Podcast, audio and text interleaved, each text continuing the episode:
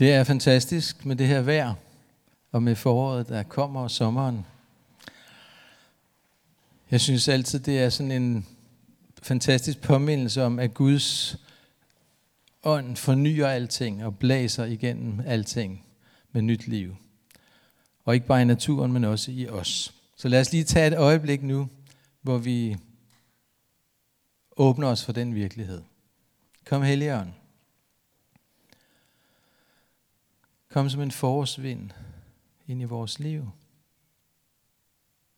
Kommer væk sangen i vores hjerter.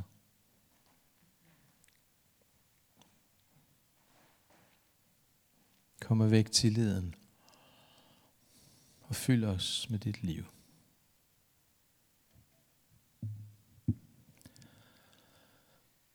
Så lad os bare blive i den her åbenhed og modtagelighed, mens jeg deler nogle tanker. Tro er virkelig kommet på dagsordenen igen i de her år. Hvis man går nogle årtier tilbage, så var der jo mange, der sagde, at det her med spiritualitet og tro og, og alt sådan noget, det var ligesom på vej ud. Nu var det fornuft og videnskab, der overtog billedet, og hvis der var nogen, der havde noget med tro, så hørte det i hvert fald til i den private sfære. Men så er det ligesom, der er brudt et åndeligt forår frem over alt. Og også meget i den offentlige sfære hører vi om kendte personer, der bekender sig til Kristus. Øh, Kasper Christensen, øh, Marianne Rørt og flere andre, som I sikkert har hørt om. Og i det hele taget oplever vi, som jeg også sagde før i Mesterens Lys, en enorm længsel og åbenhed hos rigtig, rigtig mange mennesker. Der blev lavet undersøgelser, og, og en af dem, jeg tror det er Gallup, eller hvem det nu var, noget i den stil i hvert fald, lavede sådan en undersøgelse af tro, og cirka en tredjedel af danskerne gav udtryk for, at de havde det, de kaldte en alternativ gudstro. Altså troede på noget større, som ikke nødvendigvis var ligesom i en defineret, øh, så for eksempel kristen ramme, men som var en tro øh, på Gud. En tro på, på, at der var noget større. Og du udtrykker, at der er en stor, stor længsel. Øhm, og jeg tror, coronapandemien har kun gjort det øh, større, har kun forstærket det. Øh, en, at, at de eksistentielle spørgsmål kommer ligesom op. Hvorfor er jeg her egentlig? Og, og hvad er det, der sker i verden? Hvordan finder vi mening i alt det, der sker? Hvorfor er jeg her egentlig? Og hvordan får jeg mit liv til at fungere? Og hvordan, hvor skal jeg gøre af min bekymring? Hvordan kan jeg leve et liv i fred, i tillid, hvor jeg lever ud af mit hjerte? Og sådan var det også på Jesu tid. Der var rigtig, det var en brydningstid. Der var rigtig mange søgende mennesker. Der var mange, der længtes efter noget mere end bare at krasse i overfladen. Noget, der kunne holde. Noget, der kunne, man kunne bygge sit liv på. Og nu skal vi lytte til en beretning fra Johannes evangeliet om et sådan søgende menneske, som kommer til Jesus. Der var et menneske, en af farisæerne ved navn Nikodemus, medlem af jødernes råd – han kom til Jesus om natten og sagde til ham, Rabbi, vi ved, du er en lærer, der er kommet fra Gud. For ingen kan gøre de tegn, du gør, uden at Gud er med ham. Jesus svarede ham, Sandelig, sandelig siger jeg dig, den, der ikke bliver født på ny, kan ikke se Guds rige. Nikodemus sagde til ham, Hvordan kan et menneske fødes, når det er gammelt? Det kan da ikke for anden gang komme ind i sin mors liv og fødes. Jesus svarede, Sandelig, sandelig siger jeg dig, den der ikke bliver født af vand og ånd, kan ikke komme ind i Guds rige. Det, der er født af kødet, er kød, og det, der er født af ånden, er ånd. Du skal ikke undre dig over, at jeg sagde til dig, I må fødes på ny. Vinden blæser, hvorhen den vil, og du hører den suse, men du ved ikke, hvor den kommer fra, og hvor den farer hen. Sådan er det med enhver, som er født af ånden. Nikodemus spurgte ham, hvordan kan det gå til? Jesus svarede, du er lærer i Israel og forstår ikke det. Sandelig, sandelig siger jeg dig, vi taler om det, vi ved. Vi vidner om det, vi har set, men I tager ikke imod vort vidnesbyrd. Tror I ikke, når jeg har talt til jer om det jordiske? Hvordan skal I så tro, når jeg taler til jer om det himmelske?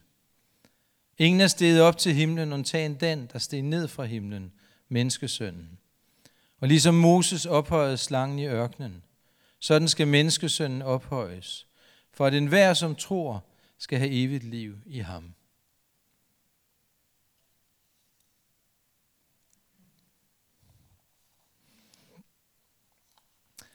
Nikodemus kommer til Jesus i ly af natten, i ly af mørket.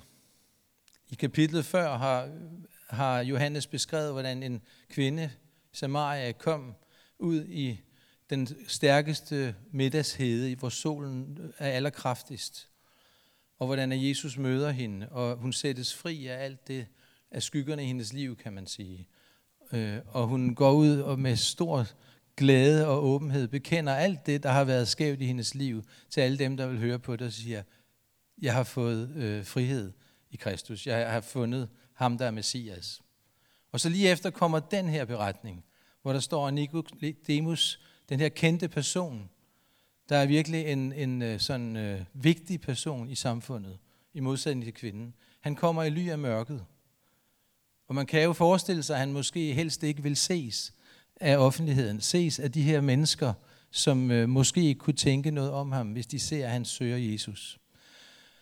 Men egentlig ikke det, jeg vil sige. Det er bare en tankevækkende detalje. Øh, men det vi får at vide om, af ham, om Nicodemus, det er, at han er fariserer. Han er altså en lært mand. En, der er flittigt studerer skrifterne. En, der er optaget af åndelige spørgsmål. Vi får endda at vide, at Nicodemus er en af de jødiske rådsherrer. Så han er en virkelig betydningsfuld mand i det jødiske samfund. Og den her mand, han kommer nu til Jesus, fordi han har hørt om Jesus, om de ting, han har gjort. Han har hørt om de helbredelser, Jesus har gjort, om de under, han gør. Og Nikodemus indleder samtalen med at kalde Jesus for rabbi, altså lærer. Vi ved, at du er en stor lærer. Nikodemus ser Jesus som en stor lærer, måske på linje med andre store lærere. Men Jesus er ikke bare en stor lærer. Han er Guds søn, og han åbner for en helt ny virkelighed, Guds rige. Og Jesus svar til Nikodemus på hans hilsen, det er, du er nødt til at kigge i en helt ny retning. Det slår fuldstændig benene væk under ham. Han siger, du skal fødes på ny. Hvis du er alene i Guds rige, så skal du fødes på ny. Så skal du starte et helt nyt sted. Sandelig, sandelig siger jeg dig, den der ikke bliver født på ny, kan ikke se Guds rige. Så du kan altså ikke bygge på din gamle forståelse, din gamle lærdom, alt det, du har ophobet, og alle de der ting, dine religiøse øh, bygningsværker, dem kan du ikke bygge ovenpå, og så ligesom blive endnu klogere, som om det er det, det handler om.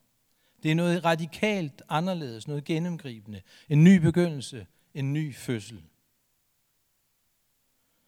Så vejen ind i Guds rige, siger Jesus, altså ikke en gradvis opstigen, hvor du kravler op ad lærdommens stige, hvor du ved mere og mere om Bibelen, hvor du ved mere og mere om Gud, hvor du kender alle dogmerne, og så videre. Det er ikke sådan, jo mere indsigtsfulde, jo mere kloge vi bliver, jo mere vi ved om Gud og om teologi, desto dybere kommer vi ind i Guds rige. Desto nærmere kommer vi Gud. Faktisk snarere tværtimod, siger Jesus. Det, man holder frem som lærermestre, som eksempler, det er de små børn. Hvis vi ikke bliver som børn, siger han, så kommer vi slet ikke ind i Guds rige. Og hvad er barnets fortrin, kunne man spørge. Hvad er det, de er særlige eksempel på? Ja, jeg tænker, det er netop deres uforbeholdende åbenhed og tillid. Deres modtagelighed. Et barn modtager som helt grundlæggende alt for det givet. Og det, det er dens vilkår. Så det er en ny begyndelse. Vi må se en ny retning. Jesus taler ofte om det her, da han træder frem, siger han, det der er oversat med omvend jer. Det hedder egentlig metanoia på græs. Det betyder egentlig se i en ny retning, se på en ny måde, få et helt ny opfattelse af virkeligheden, i lyset af, at Guds rige er nær. Lev ud fra et helt andet paradigme, nogle helt andre præmisser for tilværelsen og dit eget liv, din måde at være til stede i verden på. Giv slip på din egen dagsorden, som du som krampagtigt holder fast i. Giv slip på kontrollen. For vinden, ånden, blæser, hvorhen den vil. Den kan ikke styres, den kan ikke kontrolleres, den kan ikke sættes på formel. Så nu har du ligesom styr på, hvordan Gud er, og hvordan Gud vil, at du skal leve. Det er noget dynamisk, der hele tiden blæser igennem verden. Og du må lade dig føre af den vind. og blæse med. Som en fjer på Guds åndedræt. Lad dig føre afsted. Det er så let at tænke, at vi kan holde fast i vores egen dagsorden, i vores egen kontrol, og så måske have Gud med, når det brænder på, eller ved festlige lejligheder, eller hvordan det nu ser ud. Men Jesus siger til os, at vi må give slip. Giv slip på os selv. Giv slip på vores gamle sikkerhed, som jo er en illusion.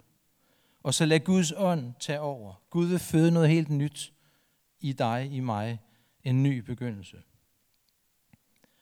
Jeg læste for nogle år tilbage et interview af den kunstner, der hedder Arndt Ure. Måske I kender ham, eller nogle af hans Kristusportrætter. Øh, han blev interviewet, og øh, han fortalte om sin erfaring ved at lade Helligånden komme til i hans arbejde og hans liv. Han oplevede jo selv som ung studerende på Kunstakademiet, hvordan at der kom et mægtigt lys ind, øh, hvor han stod og malede ud gennem væggen, og han vidste, at det var Kristus. Og der vendte hans liv om på en tallerken, og han besluttede at følge ham. Det var en radikal ændring fra det, han havde kendt før. Men det, han fortæller om her, det er sådan her. Når et billede er godt, er det fordi, det bliver givet en, og giveren er Gud. Inspirationen kan gå på tværs af det, man oprindeligt ville. Man kan tænke sig frem til, at billedet skal være på en bestemt måde. Men på et tidspunkt bliver jeg måske nødt til at bryde med billedet og male det over. Et billede, der er begyndt i gul, kan slå over i blåt. Der er noget, som tager over. Det er ikke mere mig, som maler billedet. Man gør klogt i ikke at gå imod det, der sker. Det er bare svært for det moderne, rationelle menneske at slippe og give sig over. Kristus er kommet for at introducere dette, at mennesket skal give sig over og lade sig føre af ånden, i stedet for af selvet. Ligesom det kan være nødvendigt at bryde med et billede, så den bryder Gud mange gange med de veje, vi selv har valgt. Hvor hidtidig livsretning kan han fjerne og føre os i en ny retning. Som han siger, så kan det være svært for os moderne, rationelle mennesker at slippe og give os over. Og det kender jeg fra mit eget liv rigtig meget. Og jeg glemmer aldrig en gang i Sverige, hvor jeg var på en konference med nogle øh, øh, venner, øh, hvor nogen bad for mig, og jeg for første gang oplevede den her åndens vind fylde mit liv, og det var en meget skældsættende erfaring. Jeg var i 20'erne, og jeg havde igennem øh, flere år haft en voksende frustration, en længsel, øh, efter et liv, hvor jeg erfarede Gud, Guds kraft, Guds virkelighed, Guds riges øh, nærhed. Jeg havde hørt og læst rigtig meget om Gud i Bibelen, og I, hørt det i kirken osv. Men jeg havde det sådan, når jeg læste i Nye Testamente, synes jeg, jeg havde meget svært ved at genkende i mit eget liv de erfaringer, som disciplene havde med Gud. Den måde, de talte om Guds ånd, den måde, de bad for syge, der blev raske, den måde, Paulus talte om, at Guds ånd vidner med vores ånd om, at vi er Guds børn. Hvad var det for et vidnesbyrd, han talte om? At ånden var en pant på det, der skulle komme. Altså en erfaring allerede nu på noget, som hører den kommende verden til. Alt det, synes jeg, jeg havde meget svært ved at genkende i mit liv. Helligånden var for mig mest sådan et begreb, et ord, som jeg ikke rigtig vidste, hvad jeg skulle forbinde med. Men jeg længte sådan efter, at alle mine forbehold og al min kontrol kunne blive ryddet af vejen, og Gud måtte tage over.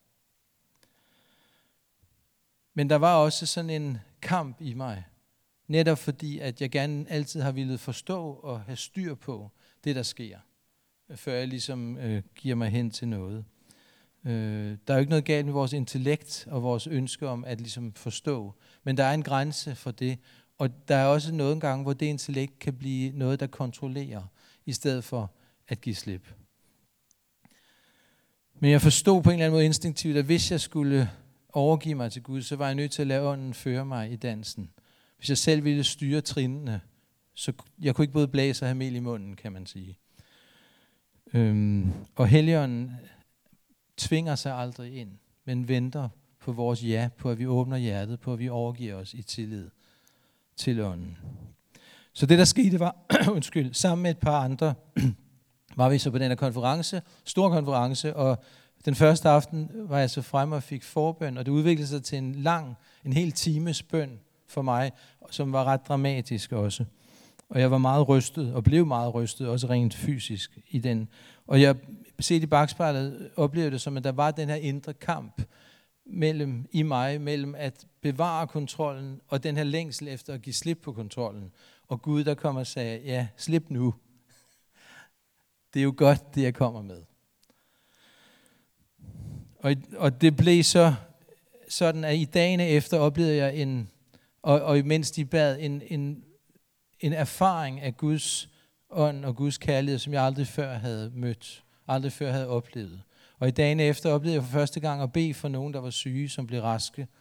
Og, og den her vidshed var i mig øh, som en uimodsigelig erfaring. Uanset om alle i verden ville sige noget andet, så vidste jeg, at Gud elskede mig. Og jeg havde en meget konkret erfaring af, at Gud var hos mig og omsluttede mig. Og jeg vil godt sige, at jeg fortæller ikke det her for at sætte nogen som helst form for øh, formel op eller noget, hvordan Gud virker. Det er bare for at fortælle om den kamp i virkeligheden, der var i mig for at slippe kontrollen, og som jeg tror mange kan kende. Men Gud kalder os altså ind i det her kærlighedsfællesskab med sig. Ud af vores eget rige, hvor vi regerer, og ind i Guds rige, hvor Gud regerer, hvor Gud har herredømmet, og hvor Guds gode vilje kan ske. Hvor det er hans kærlighed og sandhed, der sætter dagsordenen. Det er ham, der kender os til bunds. Han har altid gode planer for os, og han venter på, at vi giver ham lov til at komme ind og fylde os og føre os. Jeg tror, at når vi ofte kan have svært ved at give os over, som andre uger kalder det, at give slip på kontrollen, så har det med frygt at gøre. Måske vi har prøvet, det tror jeg de fleste af os har, måske ikke mindst som børn, at åbne os tillidsfuldt, og så få et rap over fingrene, eller opleve, at tilliden bliver misbrugt. Opleve, at nogen griner af os, eller, eller øh, driller os, eller oplever, at nogen simpelthen overskrider vores grænser på en meget forkert måde. Og alle de her ting sidder i os, mere eller mindre bevidst, og gør det svært for os at give slip og overgive os. Det bliver det ligesom en snegl, der trækker sig ind i sit hus, og der er der ligesom sikkerhed øh, derinde. Men Jesus er altså kommet for at sætte os fri med sin kærlighed, der sætter os fri fra frygt. Det er derfor, han er kommet. For at vi må komme ud af sneglehuset, for at vi kan åbne vores hjerte og lade Guds helligånd og Guds liv fylde os. Ordet tro i Nytestamentet kan lige så vel oversættes tillid. Det handler om en tillid til Gud. At vi kan overgive os i tillid, i forventning om alt godt af Guds hænder. Når fuglen kaster sig ud fra klippen og folder vingerne ud, så gør den det i tillid til, at vinden bærer. Det er jo et vågestykke, kan man sige, at gøre det. Men Jesus siger altså, at vinden vil bære os, at ånden vil bære os, når vi gør det. Og så er det, man kan spørge, hvordan kan vi vide, hvordan kan vi være sikre på, hvad der sker, hvis vi giver slip? Hvad sker der, hvis vi virkelig overgiver vores liv til Gud? Hvordan kan vi være sikre på, hvad han kan finde på? Hvordan kan vi være sikre på, at det går an at lægge vores liv i Guds hænder? Det kan vi på grund af Jesus. Jesus er kommet for at vise os Guds hjerte. Han siger selv, den der har set mig, har set faderen, har set Gud. Han er Guds ansigt vendt imod os. Alt i hans liv viser os, alt i hans person viser os, hvem Gud er. Når Jesus, den måde han møder mennesker på, når vi ser, at han helbreder de syge, han, han øh, opvækker de døde, han inddrager mennesker i fællesskabet, også mennesker, der er marginaliseret og ikke regnes for noget, og, og ikke, hvor andre ikke vil have fællesskab med, dem drager han ind. Han tilgiver dem og løfter dem op, der er tynget af skyld. Alle de her ting udtrykker for os Guds hjerte, hvem Gud er. Gud, der altid er for os. Og Jesus siger selv til sine disciple, når I forstår at give jeres børn gode gaver, hvem i jer vil give jeres barn en sten, når han beder om brød, eller en slange, når han beder om en fisk? Det vil ingen af jer, der vil gøre. Hvor meget mere vil så ikke Gud, som er god, give gode gaver, når, han, når I beder ham? Og give helligånden, siger han i Lukas, når I beder om det. Så Jesus viser os, at der er en god magt, en uendelig stærk og uendelig god magt, der bærer os. Ikke en upersonlig skæbne, uden følelser, uden hjerte. Ikke tilfældet. Ikke en lunefuld, uberegnelig magt, som vi aldrig kan vide, om pludselig viser et andet ansigt. Der er ikke nogen skygge hos Gud, der kommer og går. Der er kun lys og godhed. Gud er kærlighed. Det er Gud, som vi overgiver os til. Den Gud, Jesus viser os. Og han viser os også, at det eneste virkelig sikre, det eneste sted, hvor vi virkelig kan hvile, det er der. Hvor vi ikke er afhængige af alt muligt andet, men hvor vi hviler i Guds hænder. Det er det eneste trygge sted at være. Så lad os tage lidt tid nu i bøn, i stillhed, hvor vi, hvis vi har lyst til det, kan åbne vores hjerter for Helligånden og lade ånden fylde os med Guds liv. Så prøv at sætte dig godt til rette. Eller hvis du vil stå op, så kan du også gøre det for at tage imod. Tag et par dybe indåndinger. Kom Helligånd. Kom Helligånd. Kom i kontakt med det, at hver gang du trækker vejret ind, så fyldes du af Guds åndedræt. At du er her lige nu af den eneste grund, at Gud fylder dig med sit liv. Ellers var du ikke til mere. Det er et dybt, dybt vidnesbyrd om, at Gud elsker dig. At Gud vil dig. At Gud fylder dig med sin levende åndedræt. Så lad hver eneste indånding blive et vidnesbyrd om det, og åbn dig for Guds ånd, som fylder dig hver eneste gang, du trækker vejret. Måske du vil knytte de her ord i dit hjerte til, kom Helligånd, som du ånder ind.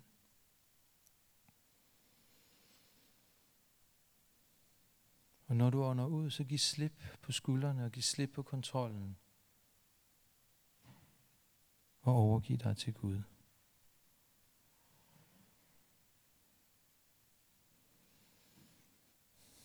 Kom, Helligånd.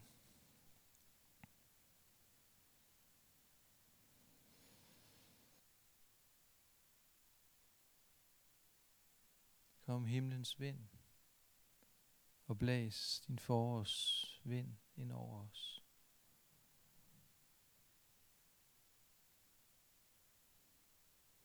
Giv ny ild til alt det, som kæmper. Kom og rusk i alle de døde grene og forny os indefra og ud med dit liv, med dit åndepust. Og hjælp os til at være som en ballon, der fører os på vinden. Bevægelige og lyttende. Klar til at følge din bevægelse, hvor end du fører os hen. Du siger, Jesus, at ånden, vinden blæser, hvorhen den vil. Sådan er det med enhver, der er født af ånden. Bed om her, at du vil lade os være født på ny af ånden. Giv en helt ny begyndelse. Og før os af dine veje, dine gode veje. Vi overgiver os i dine hænder i Jesu navn. Amen.